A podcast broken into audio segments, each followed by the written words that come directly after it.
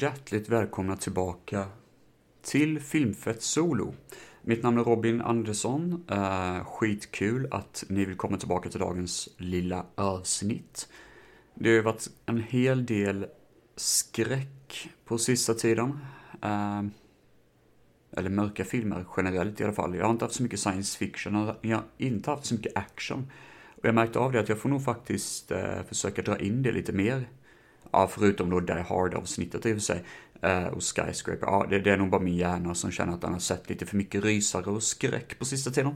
Men uh, det är ju alltid kul egentligen. Um, jag ska försöka blanda ihop något uh, lite mer material hädanefter. Um, ehm, I alla fall, idag så ska jag göra ett speciellt kul avsnitt som innehåller lite mörk thriller det vill säga thriller från Italien med subgenren giallo.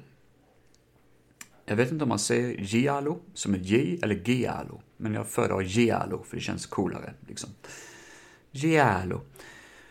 Det betyder gul på italienska och ehm, eh, ja, nu kommer jag inte ihåg åren direkt i huvudet, men grejen är så här att eh, way back then, det var väl efter krigsperioden, så såldes det jättemycket sådana här billigare mm, paperback novels, eh, noveller och sånt, eh, kriminalnoveller i, eh, med gula omslag som då hade ganska mörka berättelser bakom sig. Det kunde vara allting från Agatha Christie till, ja, vad vet jag, någon mer pornografisk innehåll kanske. Men ehm, Ehm, de hade gula omslag i Italien eh, av någon anledning. Det kanske var att printers, alltså sådana här ni vet, bokförlag kanske hade jättemycket gula färger att använda sig av, gula kulörer, kulörer. I alla fall så började det göra lite film på det. Ehm, baserade på de här böckerna då under 70-talet och mest 70-talet, jag tror till och med det började under 60-talet, men den som verkligen drog igång ordentligt och blev den stora bomben inom allting, det var Dario Argento med ljudet från Kristallfågeln, som anses vara en av de största sådana här biosuccéer. Eh, inte bara i eh, Italien utan runt om i hela världen. Um, och uh, han drog igång en stor storm av filmer som produceras från Italien eh, med den här genren då. Och i filmvärld brukar det vara så att giallos är filmer som är väldigt snyggt gjorda. De brukar ha väldigt eh, experimentellt foto som visar att vi i Italien vet vad vi håller på med. Vi kan göra det här, liksom. Så det är ju coolt. Eh, men det kunde också visa ehm, en story där en mördare kan vara lite mer obehaglig än vad man kanske hade räknat med. Och det kan också visa det här liksom eh, någon mystisk twist i mordhistorien som gör att de här historierna sticker ut lite grann från mängden och inte bara blir en vanlig kriminalare i ljudet från kristallfågeln så är det ju att eh, den personen som bevittnar mordet i början av filmen är instängd mellan två glasdörrar i entrén till ett konstverkhus, eller om man ska säga konsthus. Eh, han försöker rädda en tjej som håller på att bli knivhuggen där. Och eh, springer runt i det här lilla utrymmet. Han kan inte få upp någon av dörrarna, han är inlåst liksom och bankar på fönster så. Eh, han är ju det enda vittnet till vad som har hänt. Men han kan ju inte göra ett skit för han är inlåst där liksom. Och det är en sån sak som man känner bara, det, det här är ju ångestfyllt. Um, och redan där har man etablerat en speciell relation mellan offret och um, personen som ser de här fruktansvärda dåden. Då. Ehm, så det är ett exempel i alla fall. Sen så har jag faktiskt jag har sett om filmen en gång. Jag tyckte inte den var bra när jag såg om den. Jag tyckte den var jävligt bra första gången jag såg den. Så det är väl lite en humörfilm eventuellt. Men eh, annars när det gäller Giallo så är ju Dario Argento den största ikonen, utan tvekan. Han eh, gjorde bland, bland annat en av mina favoriter, Deep Red, som är utan tvekan en av de bästa eh, filmen jag har sett till och med. Jag tycker den är så jäkla suverän i sitt utformande av hårdkokt thriller och eh, visuell också, otroligt visuell. Musiken är fantastisk av Goblin, alltså det är ju helt enastående. Um, Och eh, jag hade mycket väl kunnat recensera den idag. Jag har ju pratat om den innan i mitt favoritfilms um, tema, men det kommer jag faktiskt inte göra idag. Men eh, även om Dario är en ikon generellt från Italien, han gjorde också Suspiria, som inte räknas som en giallo, för Suspiria har för mycket övernaturliga element, det är mer en övernaturlig ond saga, skulle jag vilja beskriva det som. Men han gjorde också Tenebre som har varit väldigt omtalad, som jag själv har lite svårt för. Jag kommer aldrig riktigt in i kärleken till filmen som många andra har. Jag säger inte att det är något dåligt med filmen, det är kanske något dåligt med min uppfattning av den, jag bara tycker den är, det är någonting som jag inte riktigt tycker om med den. Jag kan inte sätta fingret på vad det är. Det kan vara att det är så otroligt obehagligt med de här vita, sterila miljöerna och en person som använder en, eh, ett rakblad till att splatta upp väggar. Det är ganska obehagligt med eh, ja, blodinnehåll då liksom. Eh, sen har vi Mario Bava som en annan ikon inom Giallo. Och eh, jag har sett en jävligt bra film utav honom. Det är nog den enda jag sett där jag kan komma Nej, jag har sett två i och för sig. Den ena tyckte jag var skitdålig, men det kan vara mitt humör. Och det var Five Dolls from August Moon, som var en otroligt fin titel. Men jag tyckte filmen var mest bara halv sleazy, nästan halvpornografisk. Eller inte pornografisk så illa är det inte, men det är mycket naket i det, men det händer inte så mycket storymässigt. Det är en rätt snygg film kanske, men jag brydde mig inte så mycket om den. Um, sen så gjorde han ju också Blood and Black Lace, gjorde han, som är eh, en otroligt vacker film, en av de snyggaste giallos som finns, alltså exploderar i färg och form och utspelar sig i ett nästan Cluedo-liknande hus eh, där det försiggår massa mord under en modellvisning. Ja förresten, hör någonting som låter bakgrunden ska tilläggas så är det en eh, diskmaskin som är igång. Det kan vara att den börjar pipa sen, vi får se. Men i alla fall, eh, ja, det är väl det med Mario Bava. Eh, jag har inte sett så jättemycket mer av honom, men han är ju verkligen en person jag vill se mer av. Jag tycker om honom. Jo, fan, han har gjort Chock också. Jag har snackat om Chock tidigare. Um, vilket var den sista han gjorde, för han gick ju bort inte så långt efter det. Han var rätt, i rätt sleten hälsa. Men det är en väldigt bra film. Eh, Beyond the Door 2, det är den bästa i den serien. Den är ju hyllat väldigt mycket sedan jag såg den förra året. Eh, och skaffade en riktigt snygg Arrow-utgåva på sci-fi Eh, mässan eh, förra året i maj. Sergio Martino har gjort en hel del giallos. Jag är mest bekant med honom för att han har gjort eh, 2019 After the Fall of New York och Hands of Steel, två suveräna postapokalyptiska italienska filmer. Och jag är lite sugen på att göra ett sånt tema någon gång också, att snacka om de härliga titlarna. Men annars har han gjort lite slashers också. Han har gjort någonting Mountain God. Hette inte den Cannibal of a Mountain God? Jag tror det är det den heter, fast det är ju en kannibalfilm. Men, ach, vad, vad fan heter den? Alltså för mig så är det utomjordiskt att han har gjort uh, Giallos också. Torso har han gjort, just det. Den har jag inte sett. Men det är bara så utomjordiskt att han har gjort Giallos, för jag tänker mest honom som en action sci-fi regissör än liksom skräckmaestro, typ. Eh, det känns väldigt långt ifrån varandra egentligen i sitt utförande. Umberto Lenzi. Eh, jag är väldigt osäker på om jag sett något av Umberto Lenzi. Just det, det är för att han gjorde Cannibal Ferox, en annan eh, kannibalfilm igen då. Men jag tror inte jag sett något av hans eh, Giallos, jag tror faktiskt inte det. Eh, dessvärre. Och Lucio Fulci som har gjort eh, en av mina favoriter också inom giallo-genren. Hoppas att jag kan ta upp den vid ett annat tillfälle. Och det är då Don't Torture a Duckling, heter den. Just det. Den såg jag för inte så jättelänge sedan och har känt att ja, men den är jävligt bra, men jag vill inte se om den just nu för att ja, jag har den för fräscht, halvfräscht i huvudet. Det är roligare att se den man bara, oj, jag kommer inte ihåg det här liksom. Men i alla fall, eh, nu har ni fått en liten inblick. Ja, Lucio Fulci är också känd för att han gjorde Zombie, eh, en av de bästa italienska zombiefilmerna och bästa zombiefilmerna ever faktiskt. Skitbra, han gillar att peta ut ögon också i film, han har en sån fetisch för det. Riktigt groteskt faktiskt.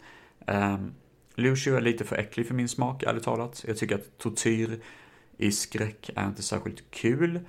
Och och eh, vissa tycker om det, men jag har en sån här sak att där går lite grann min gräns. Att jag gillar inte riktigt att se torterade. Även om det är fejkat så gör det så jävla ont inom mig. Och jag vet att det är en konstnärlig form bakom det, men men i alla fall, nu har ni fått lite av en look av Giallo. Och idag så ska vi hugga tag i fem filmer. Jag tänkte först att det skulle vara sex filmer, men när jag såg den sista kände jag att nej, men nu börjar jag bli ganska matt på det här, lite ganska trött på det här. Och det räcker faktiskt med fem filmer denna gången. Sen så kommer jag tillbaka till Giallos i framtiden, för det är ju en väldigt kul genre att prata om. Och istället för att prata om de här klassiska stora namnen inom genren, Giallos, vilket man skulle kunna göra, så känner jag att det är roligt att dyka ner i de mer obskyra och märkliga titlarna.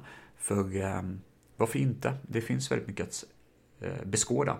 Det lustiga är det att de flesta filmerna, jag tror nästan jag vågar säga fyra av fem filmer är faktiskt släppta 1971. Det är ganska kul. Men först så tar vi tag i en relativt modern film från 2020, Nightmare Symphony, även kallad The Peacock's Tale.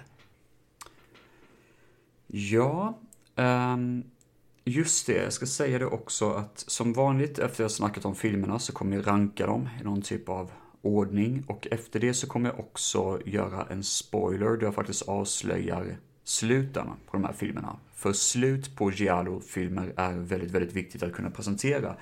Um, det är en av de viktigaste komponenterna enligt mig i alla fall. Men uh, ja. Så ni, ni, när vi kommer dit så kommer jag säga då spoiler och är det att ni känner nej jag vill inte vara med om det här så är det bara att lägga på. Um, lägga på som att ni sitter i en telefonlur liksom och lyssnar på det här. Det hade ju varit en sak kanske, men ja. I alla fall, Nightmare Symphony, The Peacock's Tale. Um, jag gillar mer titeln The Peacock's Tale faktiskt.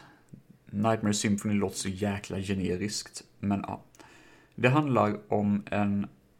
Alltså filmen börjar med en tjej som är duschar såklart och så dyker det upp en kille som har på sig, eller mördare som har på sig en fågelmask, typ.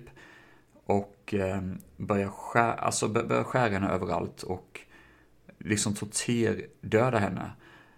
Eh, det är sån här äcklig tortyrdöd som jag är väldigt allergisk mot, precis som jag sa. Och eh, det i sig är bara för avsmakligt för min del. Eh, det påminner väldigt mycket om, det ska ju vara en hyllning till eh, New York Ripper, som gjordes av Lucio Fulci. Lucio, Lucio Fulci, jag vet inte hur man uttalar hans namn. Lu, Lucio Fulci. Lucio Fulci, jag vet inte.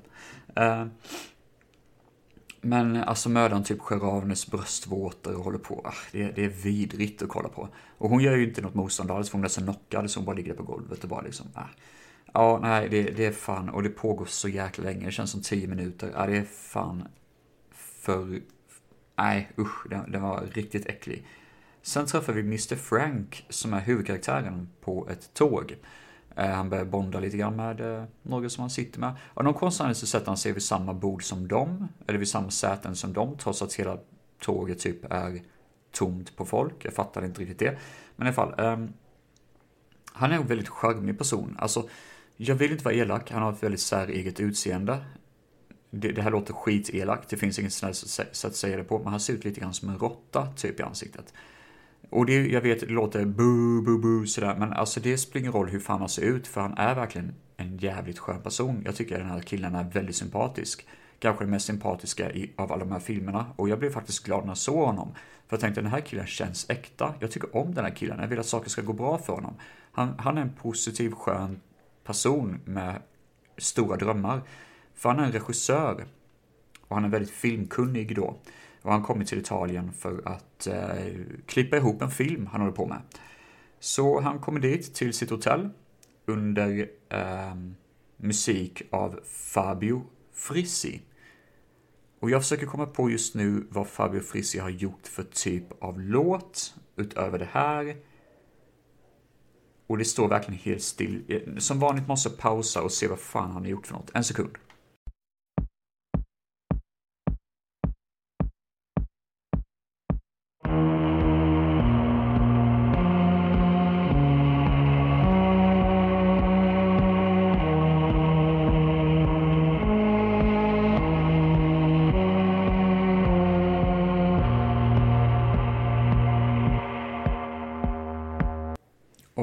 Det var ju bara klassiska saker. Zombie Flesh Eaters, From Beyond, äh, eller äh, The Gates Beyond Hell, tror jag den heter.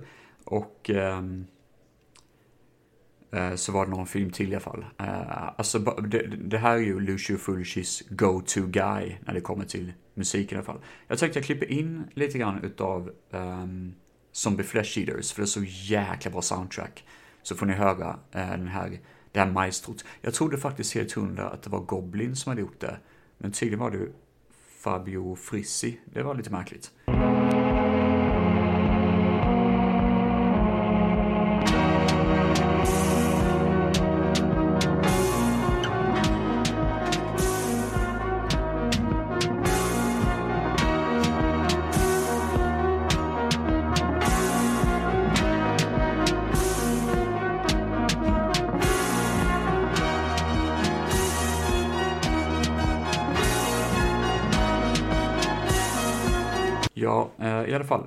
Back to the story. Eh, uh, Mr Frank flyttar in då i en sunkig lägenhet. Och han bor granne med en kille som är jättefull och sunkig och går runt alltid med en Jack Daniels. Så han kallar sig själv för Jack Daniels, liksom. Och han skrattar jättemycket och är lite halvt jobbig. Um, och Mr Frank, alltså det skulle vara någon komisk grej där, att Mr Frank vill undvika honom hela tiden. Uh, sådär. Men ja, det jag vet inte vad, vad man ska tycka om det. Det är mest bara överskådespel och eh, rätt klantigt gjort. Eh, tydligen så får vi veta att den här fågelmaskmördaren har gjort en massa olika seriemord eh, i den här staden och eh, man får följa lite grann vilka mord han har gjort då, den här mördaren. Samtidigt som vi också springer på en skådis som heter David som vill vara med i Mr. Franks nya film. Han vill vara en skådis då liksom. Och han bara säger, pratar med sig själv framför spegeln bara I am actor number one. Håller på så. En väldigt jobbig karaktär, väldigt högljudd karaktär. Um, och ja, alltså. Jag fattar inte riktigt varför han är på Mr. Frank, för filmen de klipper är ju typ redan klar. Så de ska bara klippas ihop, så jag fattar inte varför han håller på med honom hela tiden. Ska han, jag vet inte om Mr. Frank ska göra en ny film, jag fattar inte riktigt. Um, i alla fall samtidigt som Mr Frank håller på att klippa och så, så är det massa mord som den här fågelmaskmördaren gör. Och varje gång den attackerar en person så är det som att den personen blir typ traumatiserad av skräck och vägrar slåss emot mördaren. Så det blir bara långt utdragna scener när en person ligger på golvet och bara ah, hjälp mig, hjälp mig, hjälp mig. Och så liksom inte ens skriker, bara ligger där som en jäkla docka typ samtidigt som mördaren håller på med sina, ja, dåd då. Um, Ja, alltså jag tror jag kan runda av den här filmen redan nu, för saken är så här, det här är en otroligt tråkig och identitetslös film. Uh, jag fattar inte grejen med att man ska kombinera det här på något vänster så att det blir logiskt. Jag, jag ser bara filmen och tänker, ja men alltså hur hänger det här ihop? Kommer Mr Frank bli indragen i de här morden på något vänster? Och sen så fattar man det att filmen han gör verkar ha någonting att göra med den här fågelmördaren. Men det är ingen kul film. Och jag läser någonstans att tydligen så är det så att den har blivit filmad av olika team i olika liksom länder, typ. Eller något, om jag har tolkat det rätt, vilket gör att filmen är väldigt osammanhängande, för det är vissa mord som att, ja, ah, nu har du fått jobbet här i Frankrike att du ska spela in den här dödsscenen. Och nu har du fått jobbet här att du ska spela in den här dödsscenen, typ. Det känns lite så i alla fall. Sen fattar jag att filmen spelas in under corona, så det kanske var skitsvårt att få till det här liksom. Men eh, den är bara jävligt tråkig och torr. Och jag är inte den enda som tycker det. Många som tyckte den var skittråkig, i alla fall utav mina kompisar. Um, den är faktiskt dedikerad till Lucio Fulci, om man inte redan har sagt det. Så det, det står det i slutet av den, eh, uh, In Tribute to Lucio Fulci. Han dog ju typ um, att han fick uh, Eh, det var väl han som hade diabetes om jag inte minns fel och han föll ihop när han inte fick sin insulinspruta. Eh, han var ensam hemma och han hör, de hittade honom med en choklad, eh, chokladbit i handen. Nu vet jag inte om det här var en myt eller om det är på riktigt, men för jag har hört någonstans att någon har debatterat om att det kanske är bara en myt. Men det är en, om det är på riktigt är det en, jag väljer att tro på det för det är en väldigt ledsam död. Um, regissörer Daniel Trani och Domiciano Cristoforo. Uh, Cristopago heter han nog. Uh, ja. Uh, inte mycket information på dem. De har gjort lite andra filmer också, men jag är inte jättetaggad på att se någon av dem. Nej, det var ingen hit där, uh, men då tycker jag vi hugger oss tag i en film som håller på med det här djurtemat. Det var ju så här att Dario gjorde ju The Bird with the Crystal Plumage och då var det många som tyckte att, ja men djur i filmtitel, det kan ju sälja rätt mycket. Så de började göra lite grann Giados med djur i filmtitel. Och när jag hittade den här titeln tänkte jag, det här vill jag ha. Så jag har den faktiskt på Arrow Video eh, utgåva. Nu ska vi se om jag uttalar djurets namn rätt. The Iguana with a Tongue of Fire från 1971.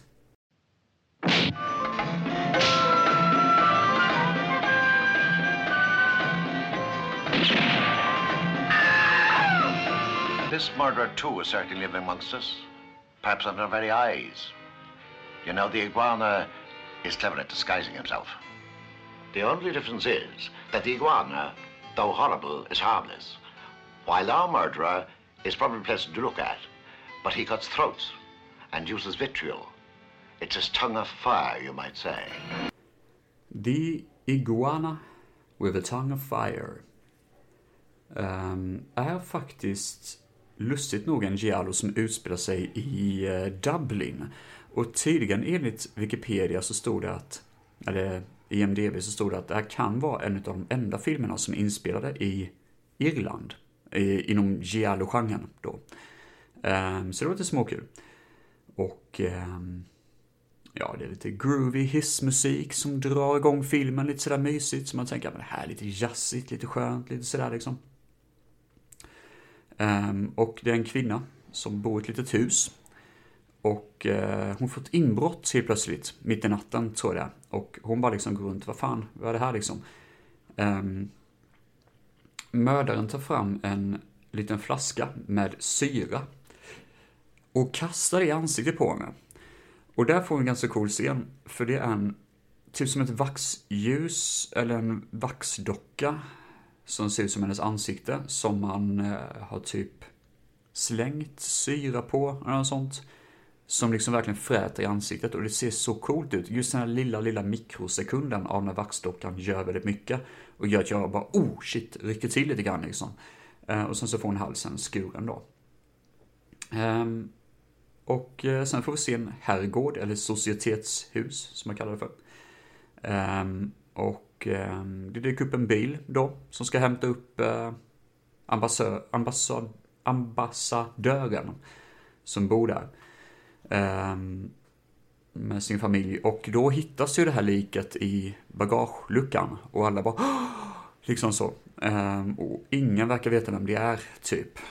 Ehm, så polisen åker dit, börjar undersöka väldigt mycket och prata med allt och alla. Och här är det väldigt kul, för resten av filmen, alltså huvudkaraktären är polis liksom.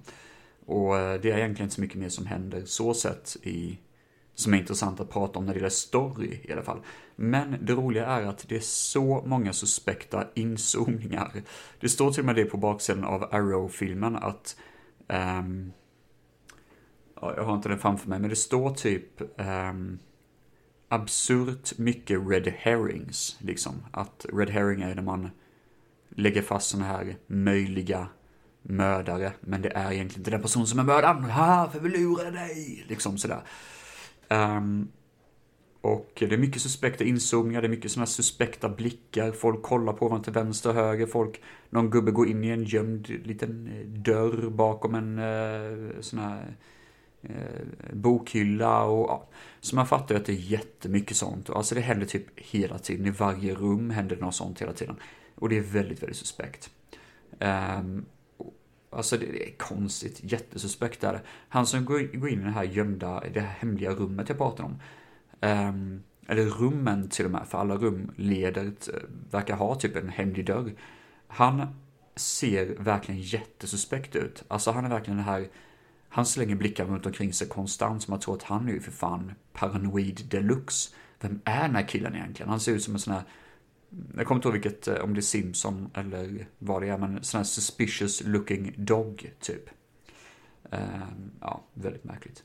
I alla fall, um, mördaren i början av filmen får vi veta att den har på sig solglasögon. Så det är också en sån sak att varje gång solglasögon dyker upp i kameran så är det typ liksom kraftig inzoomning och en ding Liksom jätteöverdrivet är det. Som att det kan vara mördaren, det kan vara mördaren, det kan vara mördaren. Bara för att alla har svarta solglasögon i hela filmen.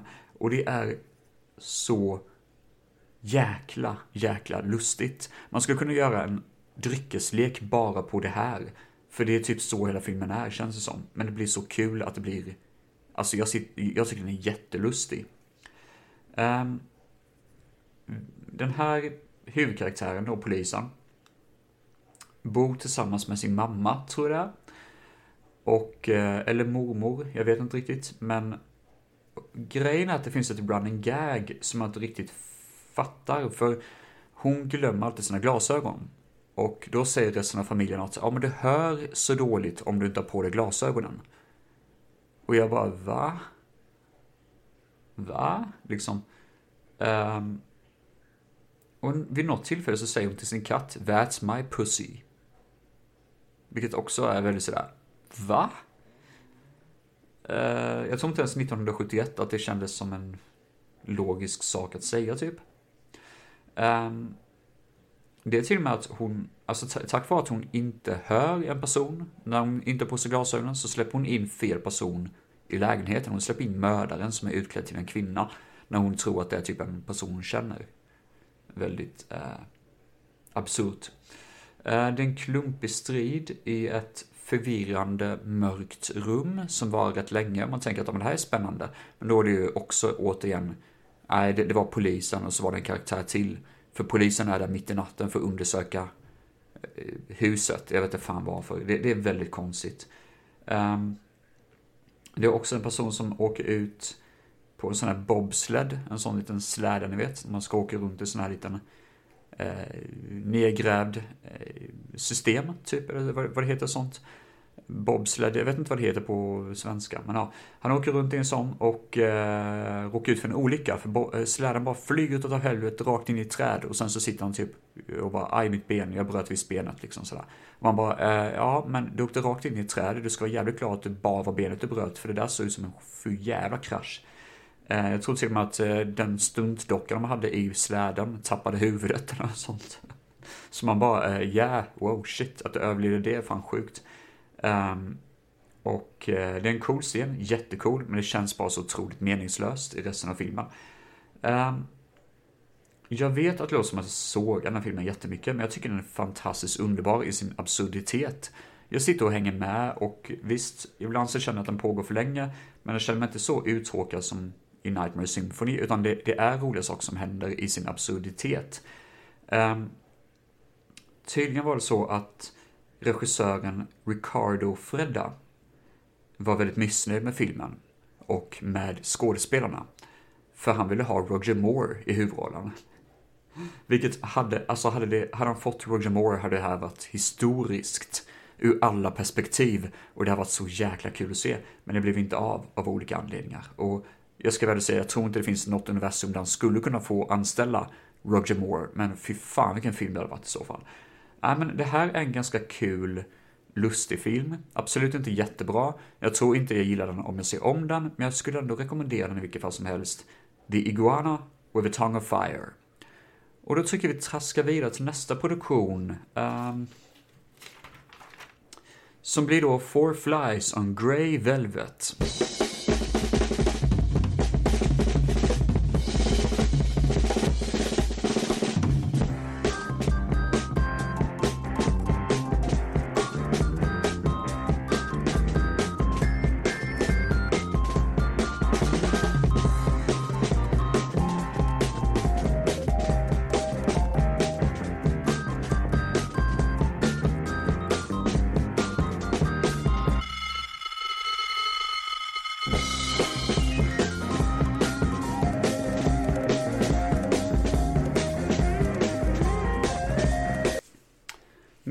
1971. Överraskande, va? Um, regi är Dario Argento. Och eh, det här är ju hans uppföljare, eller hans... Eh, han gjorde en inofficiell djurtrilogi med Cat and Nine Tails, som jag faktiskt inte har sett, Bird of Crystal Plumage och Four Flies and Grey Velvet. Och jag, det här är då Four Flies and Grey Velvet, som sagt var. Um, jag har sett den här filmen tidigare, jag hade den till och med på en Studio S-utgåva, en liten DVD. Men eh, jag tyckte då att den var så otroligt dålig så jag sålde den, vilket jag idag känner varför gjorde jag det för? Det var en väldigt dum idé. Men ibland får man tillåta sig själv att göra väldigt dumma idéer. Som sagt var, Giallo är verkligen en humörgenre, anser jag i alla fall. Uh, I alla fall, det är ett uh, trumsolo som kickar igång filmen. Um, väldigt snygga vinklar när man ser trummorna vibrera. Och um, det verkar vara i ett, en skivbutik slash studio. Det klipps på sånt konstigt sätt så jag hänger inte riktigt med var de spelar in den här skivan någonstans. Som här, jag tror det ska vara ett jazzband typ. Um, och eh, nu vet jag inte riktigt om karaktären heter vilket namn. Jag kan faktiskt säga det i fel ordning, men huvudkaraktären är trummisen. Han heter Tobias Roberto, eller så är det Roberto Tobias. Jag vet faktiskt inte riktigt, men jag har skrivit Tobias Roberto, så säger jag fel så ja, får ni fan skjuta mig i så fall. Eh, han förföljs av en person som man kallar för cigarettmannen i hatt. Det är en person som går runt och röker och eh, liksom, eh, följer efter honom bärandes en, hatt då. Eh, och eh, då börjar trummisen bli jäkligt sur för han bara tänkte fan den här killen har följt efter mig jättelänge. Så han stakar honom till en övergiven teater. Och liksom konfronterar honom, bara vad fan håller du på med liksom? Um, och då drar den här Sigmannen fram en, uh, en kniv och ska sticka ihjäl Tobias. Som i självförsvar sticker ihjäl mannen då. Men då är det någon som fotograferar det här bärandes en barnmask på huvudet. En pojkbarnmask som är jätteobehaglig, en plastig sak. Som fotograferar eh, långt ifrån en läktare och sen försvinner då. Och Roberto bara oh fuck, typ. Um, det är en väldigt obehaglig, mm, den där, vem är personen som fotograferar det här? Och vad, vad är det egentligen som händer, typ? Um, och då drar ledmotivet igång, jag skulle säga kristallliknande klang av röster slash toner. Uh, jag ska väl säga att jag kommer inte riktigt ihåg i huvudet hur det gick till, men jag kan klippa in den här.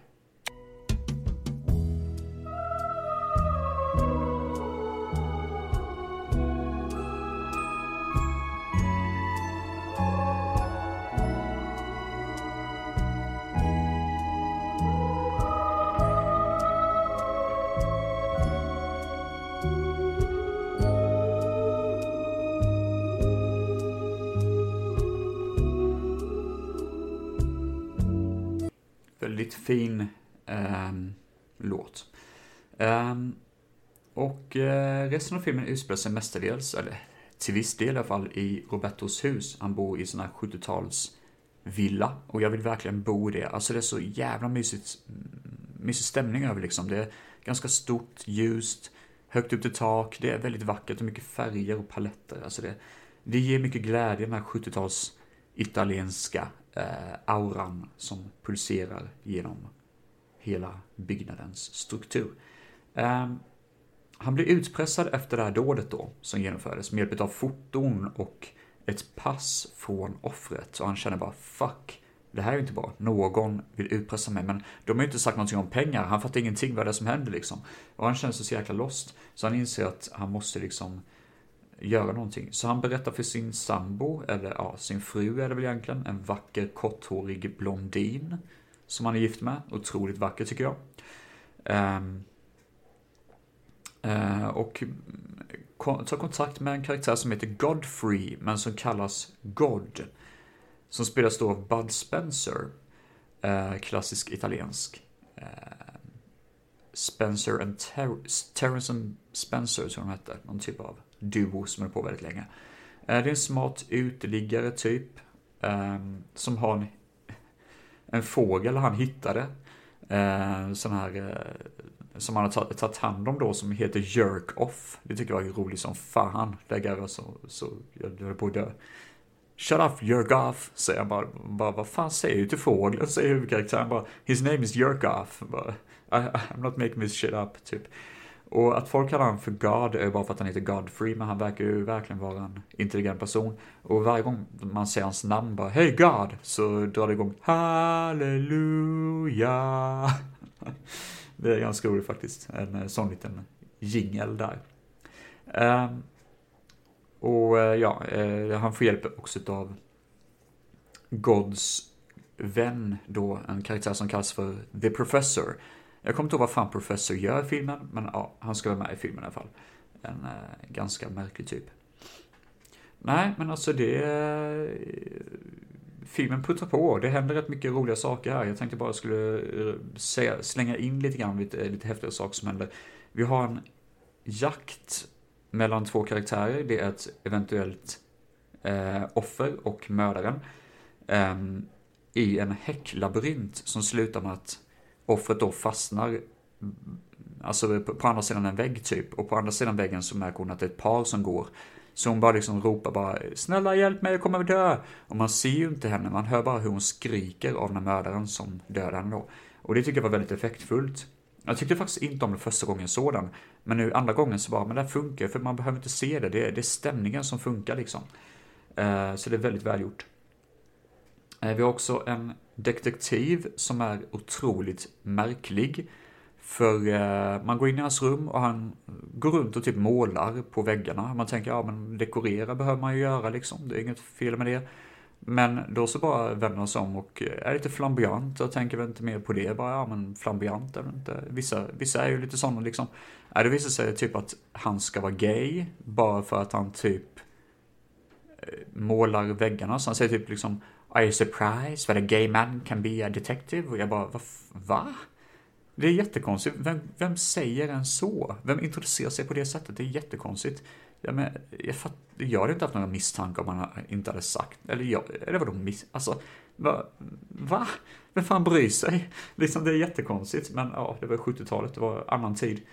Um, ja, han säger till mig, Oh you heterosexuals, bara, oh god. Det, det, det har inte åldrats bra alltså. Men det lustiga är att den här killen skryter, alltså det är därför jag gillar den här karaktären, för han skryter om att han har 82 misslyckade fall. Liksom, han, han är ju suger som detektiv och han bara liksom, fattar ni hur sjukt det är att jag har 82 misslyckade fall? För det betyder att det här är fall 83 och det kan bli den jag lyckas med. Man bara, vad fan är det jag går runt och säger? Det, varför vill någon anställa dig som detektiv? Um, ja, vad har jag mer för kul att säga? Nej, jag har nog inte så mycket mer att säga just nu. Det är bättre att ta sista där mot spoiler-delen i så fall. Men det roliga är, eh, det var tänkt sig att Deep Purple skulle göra musiken till den här filmen. De, de var faktiskt, eh, eh, jag vet inte hur långt det gick i förhandlingarna, men de var intresserade, eller intressanter för produktionsföretaget i alla fall. Eh, uh, Ennio Morricone, som gjorde musiken, uh, hamnade i ett bråk med Dario och därför gjorde de inte musik. De jobbade inte tillsammans förrän typ 90-talet igen. Jag kommer inte ihåg vilken film det var, men det kan kanske vara Trauma de jobbade på kanske. Jag vet faktiskt inte. 97 tror jag det var de jobbade tillsammans. Och det nej fan Trauma är typ 2000 tror jag. Ja, i alla fall. Um, de eh, hamnade i bråk och uh, ja. Sedan dess så har alltid Goblin gjort musiken bakom Darios filmer. Um, ja, det finns en scen i slutet där en karaktär ska alltså prata på engelska, för jag såg den dubbade varianten. Och helt plötsligt så är det en mening, eller två meningar, som är på italienska. Och det är tydligen något som har blivit fel som är känt på EMDB. Men man fattar inte riktigt varför det blev så. Uh, Bud Spencer var en god vän till Dario Argento. Jag tror han gjorde den här filmen gratis om man inte minns fel eh, mot betalningen att hans ansikte inte skulle användas för att marknadsföra filmen då. Eh, det var tänkt sig att Terence Stamp eller Ringo Starr eller någon annan alternativ kändis skulle spela huvudkaraktären, men den rollen föll på en annan karaktär. Och i gruppen 100 filmer vet jag att det var någon som sa Fy fan jag hatar huvudkaraktären. Han suger. Uh, vilket var ganska roligt sagt faktiskt. Jag tänkte inte så mycket på det, men ja. Each to their own. Ja, men Four Flies är ju faktiskt en jävligt bra film. Alltså jag tycker den är väldigt mysigt gjord. Den är inte den här klassiska skräck utan är mer thriller och eh, ja, jag gillar den faktiskt väldigt mycket. Um, jag tycker nog nästan nu att det är en av Agentos bästa filmer, ärligt talat. Jag tycker faktiskt att den var mycket bättre än jag mindes att den var. Och det betyder att ibland måste man se om en film och verkligen bli överraskad, för jag tror det här skulle vara skräp att se om liksom. Äh, så jag är väldigt tacksam över det. Jag tror den ska finnas på Flex, eh, den eh, streamingtjänsten, om ni suger på stilen där. Ehm, det var där jag såg den i alla fall. Den kan finnas på YouTube också, whatever I know. Men ja, men, eh, god film. Four Flies on Grey Velvet. Eller Fyra flugor på grå samet, som är då den svenska titeln. Det finns också någon annan skitkass svensk titel som är typ Den hemska fällan, eller någon sån bullshit. Nu traskar vi vidare till oh, 1971. Va? Samma år? Det var överraskande. The night Evelyn came out of a grave. Alan, I'm waiting for you. Are you sure that Evelyn is really dead? Come with me. No, please, Evelyn. It was Evelyn. Though I warned her it would be dangerous. Destroy it.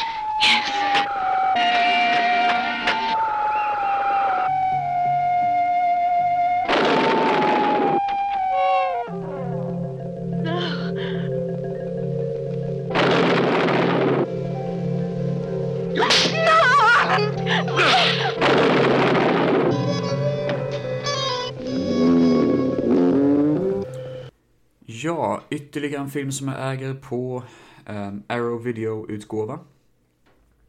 Och um, jag rekommenderar att googla fram hur omslagen ser ut på Arrow Video, för det är ganska coolt faktiskt. Det säger nog en del om filmen också. Um, filmen introduceras med en introduktion av skådespelaren Erika Blank, eller Erika Blank, som då presenterar lite grann hennes upplevelse. Det, det, det här är inte den enda filmen som gör det faktiskt. Det finns en annan film med som jag kommer komma till sen.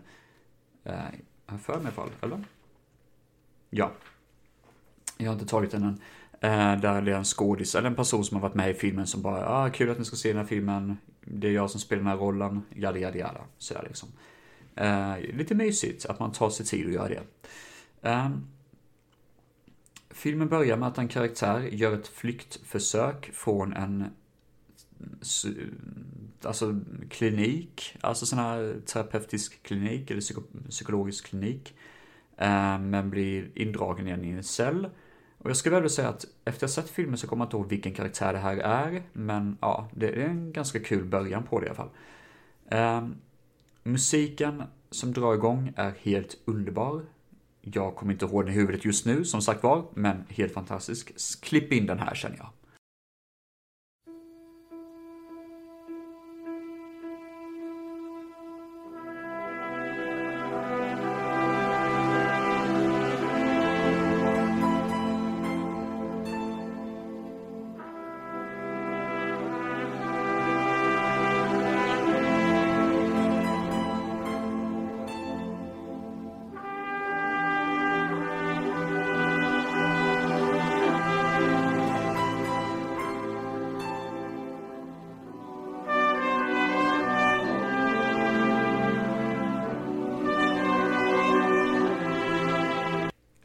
Själva, det är ju, alltså Giallo har ju en viss genre av musik som är helt fantastisk.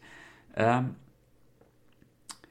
vi har en fancy kille som då kallas för Lord Allan. Som har eh, då tagit med sig en tjej till ett ganska ruggigt och nedrivet slott. Ehm, som har ett otroligt vackert rum, det är där han bor då. Och han säger att resten av slottet har i stort sett blivit fallfärdigt, så man funderar på att bygga om det. Um, och de ska ha lite kinky sex då, så de går in i någon sån här medeltids BDSM-rum, där han tar fram piskor och håller på och piskar runt. Um, men helt plötsligt så är det typ så att han, han får liksom en bild av sin före detta fru som heter Evelyn i sitt huvud. Han bara nej, Evelyn, åh nej, liksom sådär, får panik. och eh, mördar den här tjejen. Um, och eh, inte så långt efter det så dyker det upp en doktor som är typ en god vän till eh, Lord Allan som bara liksom dyker upp och bara han, han, verkar veta hur Lord Allan mår och han verkar veta vad han gör eh, och försöker liksom dölja honom och bara säga liksom att Alltså allt du gör, du, du, du kan få hjälp på min klinik. Och han bara nej, nej, nej, jag ska inte ha någon hjälp. Jag, jag mår bra liksom sådär, typ håller på så. Så det verkar som att de ändå vet om hur Albert egentligen mår och att det här tydligen inte första gången han beter sig så här mot en kvinna. Eller så är det det första mordet han har gjort. Det är oklart, men han är ju väldigt känslokall över vad han har gjort. Så jag tror faktiskt inte det. Um, det dyker upp en stalker också. En person som ja, håller på lite runt omkring i buskarna där liksom sådär och kollar, eh, spionerar på honom. Som heter då Albert. Och Albert verkar veta allting som Lord Allan gör, så Allan betalar honom och bara liksom sådär. Du vet vad du ska göra, håll tyst om vad du har sett, typ lite så. Vi får veta att Albert är Evelyn då, eh, Allans exfrus bror. Så det är ganska kul. Där fattar man att det finns någonting där som en öm punkt liksom, sådär. Eh, Några karaktärer ska köra en seans i eh, det här eh, slottet. Och Alan Allan ty tycker sig se Evelyns spöke och svimmar av skräck liksom. Och det är det här jag inte riktigt fattar, för vi får ju också se Evelyns spöke projiceras. Och det fattar jag inte om det är att vi ska se det som Allan ser eller om vi ser ett faktiskt spöke. Men jag tolkar nog mer som att det är hans huvud. För de andra verkar inte riktigt se det. Jag vet inte riktigt, det är väldigt konstigt. Men eh, Alan får råd av en kompis att ligga runt typ i en månads tid, liksom bara för en gång per månad så ska han ligga runt med en kvinna liksom. För att komma bort lite grann från den här seriösa dating situationen då. Vilket är en ganska konstig sak att rådge en kompis, anser jag i alla fall. Men... Eh, ja, filmen puttar på lite grann och till slut så gifter sig Allan då med en karaktär som heter Gladys. Och det, när han gör det så börjar han se Evelyn mer och mer och mer och hon börjar också se Evelyn. Så han tror att det är någon i huset som jävlas med honom. För han får ju panik varje gång han ser en person som har rött hår. Han vill inte ha en person med rött hår runt sig. För det var det Evelyn hade, typ. Och eh, han tror att det är någon som jävlas med honom. Um, hans moster bor också i huset och hon är rullstolsbunden kvinna som heter Agata som spionerar runt väldigt mycket. Och jag skulle säga att jag fattar fortfarande inte riktigt vad fan hon har för roll i filmen. Men eh, ja, det, det är som det brukar vara helt enkelt. Eh, jag har inte skrivit så jättemycket mer om filmen, ärligt talat. Det finns en striptease-scen då en kvinna, det är då Gladys, kliver ut från en gravsten och dansar runt lite grann liksom. Eller sån här, en, eh, en coffin, alltså en, eh, eh, vad heter det? likkista. Och det, den har varit med i omslaget då på omslaget av filmen. Det är en gotisk film. Den är erotisk och ganska obehaglig för vi följer ändå en karaktär som är seriemördare och hans fall in i galenskap, vilket jag ändå tycker om. För det är lite grann sådär American Psycho över det. Det får lite den viben över liksom att den här killen mår ju fan inte bra någonstans. Den är otroligt bra, alltså det här var jävligt välgjort. Jag tror faktiskt det här kan vara den bästa i... Det kan faktiskt vara den bästa utav de filmer jag har sett. I dagens avsnitt i alla fall. Um, regi är Emilio Miraglia. Och han är nog mest bara känd för den här filmen, ärligt talat. Han, han har gjort mycket annat också, men enligt EMDB är han kändast för den här. På bio så serverar man, på vissa utvalda biografer så serverar man popcorn med blodstänk på som hette då, kallades för Bloodcorn. Och det tycker jag var lite småkul faktiskt. Det fick mig att skratta som fan när jag läste det. Jag bara tänkte, det är ju jävligt mysigt. En sån gimmick gillar man liksom, det är kul. Bloodcorn. Härligt. Nej men det här är en bra film hörni. Uh, ta och se den. Um, The Night Evelyn Came Out of a Grave. Det här är en gotisk, härlig eh, giallo slasher. Och Ja, så visst den är obehaglig i tema, men den är nog ändå ganska lättillgänglig om man känner att ja, men det här kan jag tänka mig att se. Så det här är nog en jättebra inkörsport i vad Giallo är för någonting, även om det kan vara lite extremt i sina erotiska eh, exemplar här och var. Rekommenderas varmt från mitt hjärta.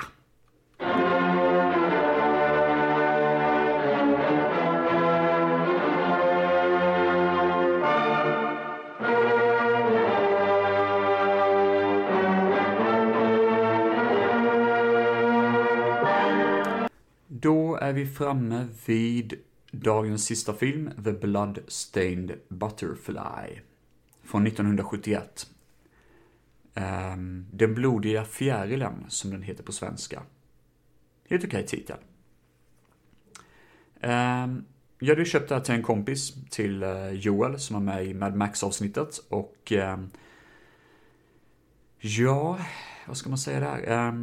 Han var inte jätteglad över den och jag förstår varför. Eh, men jag känner väl samma sak där med när jag såg den att jag, eller han tyckte nog mer om den än vad jag gjorde. Men jag kände när jag såg den att nej, det här var fan inte bra för jag lånade den efter honom då. Det var väl lite grann därför jag köpte den till honom kanske som en present för att jag tänkte oh, då kanske man kan låna den sen efteråt. uh, I'm a bastard. Um, Nej, men um, han gillar Giallo, så han tycker det är roligt att se och uh, har ju ändå sett rätt mycket bra filmer tycker jag. I alla fall. Um, vi har en väldigt konstig introduktion av filmen. För det är också sådär en karaktär som ska introducera filmen liksom sådär. Eh, och om jag tolkat det rätt. Um, så var den här killen, vad fan, jag fattar inte vad han var för någonting, men jag tror han var typ assistent till regissören eller något sånt. Och jag fattar inte varför de intervjuar honom, det kändes väldigt märkligt. Men han, han var väldigt mystisk liksom. Väldigt sådär, this is not a children's movie. Do not watch this with your children. Håller på så typ. Och jag bara tänkte, ja men det... Jag tror ingen köper The Bloodstained Butterfly och tror att det här ska vara en barnfilm liksom. Då är man ju rätt sjuk i huvudet. Um, ja, nu har jag faktiskt skrivit ner vem den här killen är som introducerade avsnittet, men eh, det, det, var en väldigt konstig eh, intervju i alla fall. Ehm, eller introduktion. Eh, filmen börjar med att vi har en mall av, ni vet i vissa filmer när man kollar genom sådana här eh, kikare så ser man en viss mall av att så här, det här är det de karaktärerna ser. Det är samma sak här med, fast man har istället en mall av en fjäril eh, i siluett då. Och i siluetten så ser man typ en person som kör runt på olika gator och torg och så, liksom sådär. Um, och eh, karaktärsintroduktionerna är ganska intressanta för där är det att man ser olika karaktärer som gör olika aktiviteter och så står det namn plus relationer. Exempelvis um, Georgis mother eller Georgie's father. Eller uh, Anne's sister, alltså sådana saker. Eh, filmen börjar ganska häftigt i en jättestor park, en eh, fin dag när en kvinna helt plötsligt bara skriker och rullar ner för en kulle och är död. Och alla får till panik. Eh, polisen springer runt omkring, en person med eh, trenchcoat, alltså sån här ja, trenchcoat och hatt flyr över en vägg, Eh, klättrar över en vägg till en gata och springer så snabbt som hon bara kan. Och eh, polisen då börjar göra en undersökning av det här. Eh, den här kvinnan som dog var en 17-årig fransyska. Och eh, problemet är att undersökningen blir problematisk för regn tar bort alla spår av vad mördaren egentligen gjorde för någonting, alltså vem mördaren var och sånt. Så det blir verkligen stort sett omöjligt att bara, fan också, vi har inte mycket att gå på. Polisen har jätteintressanta eh, liksom teorier om det här. De sitter runt ett bord och snackar om det här i en väldigt fin scen. Um, tycker jag faktiskt, för det, det är verkligen så, jag blir indragen i mysteriet här. Um, och huvudpolisen får helt, eh, hela tiden fel kaffe, vilket är typ ett skämt som går genom filmen då och då. Bara, ah, det är fel kaffe. Det är för varmt, det är för kallt, håller på så liksom. Jag bara tänker, ja, alltså, det, ja, det, det är inte särskilt kul, typ. I alla fall så hittar de en möjlig gärningsman. en tv-personlighet eh, som hamnar då i rättegång och nu blir filmen mestadels ett rättegångsdrama där man jämför bevis och håller på. Och där tycker jag filmen är rätt seg. För vi har en ganska bra thriller, vi har en ganska bra Vem är det som är mördaren och helt plötsligt så blir det rättegångsdrama över det. Och jag har så jävla svårt med rättegångsdraman. Det är inte ofta det funkar. Det funkar jättebra i 12, 12 Angry Men, för den är verkligen svettig. Här är det mer bara liksom jobbigt att kolla på av någon konstig anledning. Det, det är bara segt som fan. Ehm, även om det finns mycket hemligheter som förekommer och många vittnen som och det visar sig att han varit otrogen och alltså sådana saker. Men det är ändå liksom, ja, ach, det är bara tradigt att kolla på. Um, så jag känner mig bara liksom sådär, ja men det här är ju fan segt att se. Um, men samtidigt har vi Bloodstained Butterfly mycket sådana här tranståg, ni vet sådana här små tåg, jag vet inte vad de heter, men små tågvagnar som går på små, små korta rälsar i trånga gränder och sånt. Eh, Uppför kullar och sådär. Och det känns så, det är så vackert och idylliskt. Och vi har många fina liksom kullerstensgator och gator och torg och mycket sådana arkitektur i de här trånga liksom, stadsområdena. Och det är så väldigt fångande att få se det. Um, och ja, regi bakom filmen är Dakio Tesari. Som tydligen är väldigt känd för att han gjorde lite Swords and Sandals filmer, det vill säga lite såna här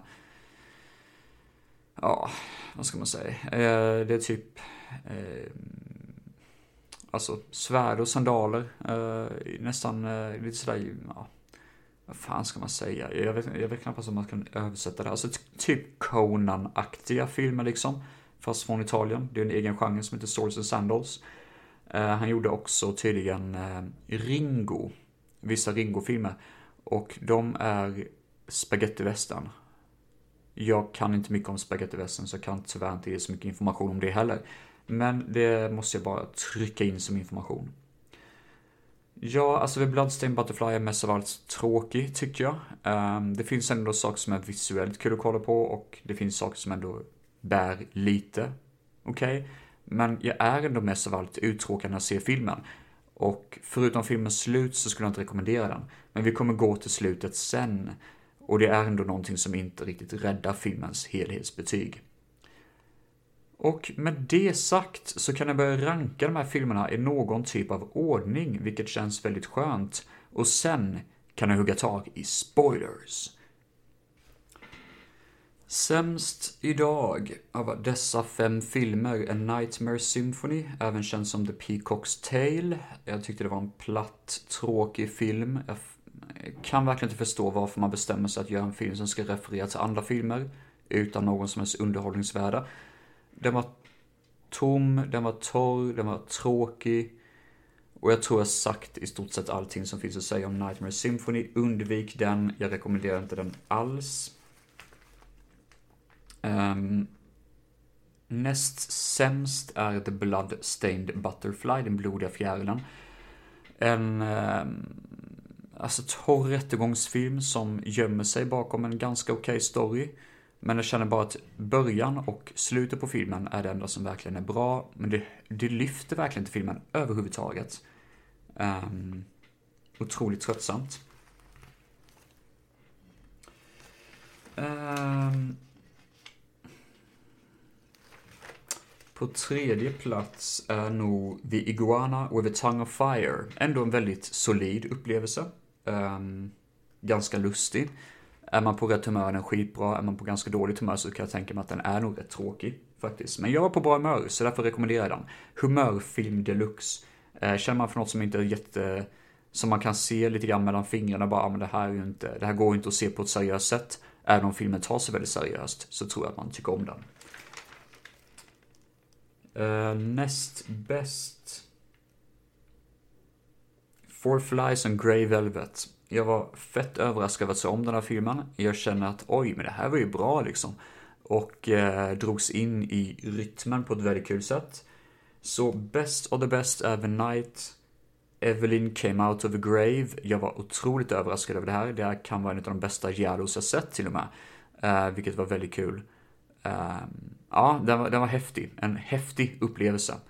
Men med det sagt, ni som vill se de här filmerna och känner att ni inte vill bli spoilade får hoppa till slutet. Jag kommer ju att spoila de här filmerna i rangordning eller turordning utefter hur jag recenserat filmerna. Um, ja, det kan vara bra.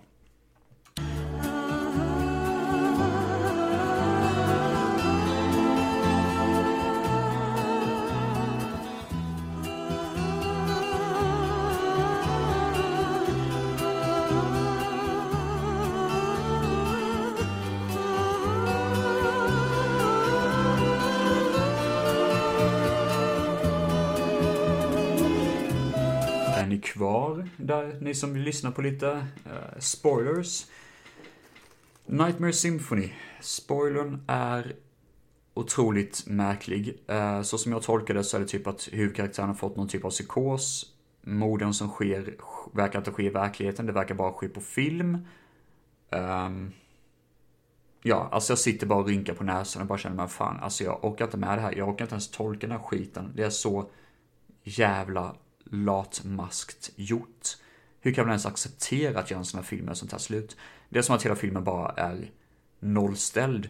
Um, fullkomlig skräp. Um, The Iguana with a Tongue of Fire. Ja, hur fan var det med den? Det är en karaktär som jag typ helt glömt bort vem det var. Som var typ en bror, tror jag, till någon annan karaktär. Det kan ha varit bron, brodern till kvinnan som dog. Jag kom fan inte ihåg. um, och uh, han bryter sig in då till polisen när mormon inte ser det här, för hon har ju inte på sig sina glasögon och um, försöker våldta polisens dotter, vill jag minnas. Men polisen dyker upp och typ skjuter honom, och sånt. Och det var typ slutet med det. Och man bara, ja, det, det var ett slut, liksom. Uh, Four Flies on Grey Velvet. Det här är ganska intressant faktiskt, för det visar sig att den här korthåriga blondinen jag pratade om, som huvudkaraktären är gift med, hon hade tydligen en uppväxt där hennes pappa tyckte att hon skulle växa upp som en pojke. Och eh, pappan var väldigt lik mannen hon gifte sig med. Eh, och av någon ogrundlig anledning så... Jag fattar inte varför, men hon började mörda av någon konstig anledning. Jag fattar inte riktigt. Det, det är väldigt oklart varför hon gör det. Um, men man hittar henne för att hennes sista dåd var en person som såg henne och med hjälp av någon typ av löjlig teknik, sån här gizmoteknik som man använde under 70-talet som absolut, alltså, ren skitsak och väldigt ologiskt, så kunde man eh, liksom fotografera den sista bilden offret såg på sin näthinna. Och då såg offret tydligen fyra stycken eh, flugor som verkade ligga i en båge, typ. På grå bakgrund. Och det är Four Flies on a Grey Velvet. Och där är det intressanta då, att det visar sig att mördaren har ett smycke på sig som är en inkapslad, eh, liksom, vad heter det, liten eh, fluga i ett, eh, i en pendel, eller vad man ska säga, i ett smycke. Och när det smycket har dinglat framför hennes eh, gråa tröja så blir det typ som att man ser fyra, ett mönster av fyra stycken eh, flugor på bakom grå samet då. Um, ja, det var väldigt flummigt förklarat, men i alla fall man får veta vem mördaren är och hon försöker fly med hjälp av en bil men kör rakt in i någon typ av lastbil i ultra slow motion och det är sån häftig scen tillsammans med tragisk musik när bilen kolliderar i slow motion. Eh, en av de bästa slow motion scener jag sett faktiskt och eh, sen exploderar ett eldhav och där slutar filmen liksom. Så det var ganska coolt. The Night Evelyn Came Out of a Grave är väldigt flummig för här har vi för många karaktärer att hålla koll på. Men tydligen är det att huvudkaraktärens, en av hans bästa vänner, har jobbat tillsammans med en kvinna eh, som har varit, haft på sig peruk hela tiden och egentligen är rödhårig och beslutat sig för att jävlas med huvudkaraktären, med Lord Allan. Um, ehm, och försöker få honom inspärrad på ett psyke för att de skulle kunna ta över hans eh, liksom, eh, rikedomar och arvegods. Grejen är bara det att det visar sig att hans polare som äger det här psyket har ju arrangerat att han har varit psykiskt död Eh, på psyket. Eh, han fick inte den psykosen han trodde han fick, det var bara skådespeleri. För att de misstänkte att det var, han, det, var det par som hade gjort det här brottet då. Um, ja, alltså det, det, är en ganska snårig historia att berätta, men kvinnan dör för att den här huvudkaraktären förgiftar henne och lurar henne. På no eller, mm, alltså, ehm, um, huvudskurkan gifter henne och eh, lurar henne då på något vänster. Uh, och bestämmer sig, ha ha ha, nu har jag kommit undan, ingen kommer att reda på att det är jag som är mördaren, typ. Då dyker ju våra hjältar upp och har en fight. Uh, varpå han ramlar rakt ner i en bubbelpool och uh, vår huvudhjälte häller i typ fluorid, eller acid fluoride eller något sånt. Och han bara liksom krälar upp på marken. Bara, ah, it burns, it burns, my skin is on fire, it burns. Liksom. Och då kommer helt plötsligt från ingenstans typ psykiatrisk vård och bara plocka upp honom på en bår och bära undan honom. Så man bara, han blir antagligen inslängd då i psyket. Och det kan mycket väl att det var, var att det var han som var personen som är inlagd i kliniken i början av filmen också. Jag vet faktiskt inte. Men ja, det, det var en ganska lustig scen. Och ett kul slut som faktiskt ändå funkar i filmen tycker jag. Eh, och och Bloodstained Butterfly har också ett ganska kul slut, för vi får följa, förutom den här tv-presentatören, så får vi följa en karaktär som visar sig vara en mördare. För vi får se när personen mördar två personer, samtidigt som tv-presentatören är i rättegång. Eh, TV-killen blir utsläppt och eh, blir lurad på något sätt till ett ställe att träffa den riktiga mördaren. Om man tänker, oh vilken standoff det här blir. Men då visar det sig att tv-killen som satt i rättegångsdramat, han var faktiskt skyldig till mordet på kvinnan i parken. Och killen som han träffar var ihop med kvinnan i parken. Så han har bara gjort de här morden för att få den riktiga mördaren att komma ut för att kunna hämnas på honom. Eh, så vi har två stycken mördare mot varandra typ kan man säga. Och eh, jag för mig båda blir beskjutna av varandra och ligger döendes på marken i slutet av filmen. Vilket är en ganska kul twist. Jag tycker det gör rätt mycket. Men det bär ju inte hela filmen, absolut inte. Nej, men då har ni fått lite spoilers där. Nu behöver ni inte se de här filmerna. Jo, det gör det ändå. Passa på, för det är faktiskt bra material. Um, jag vill tacka så jättemycket för mig. Det har varit skitkul att få göra det här med er.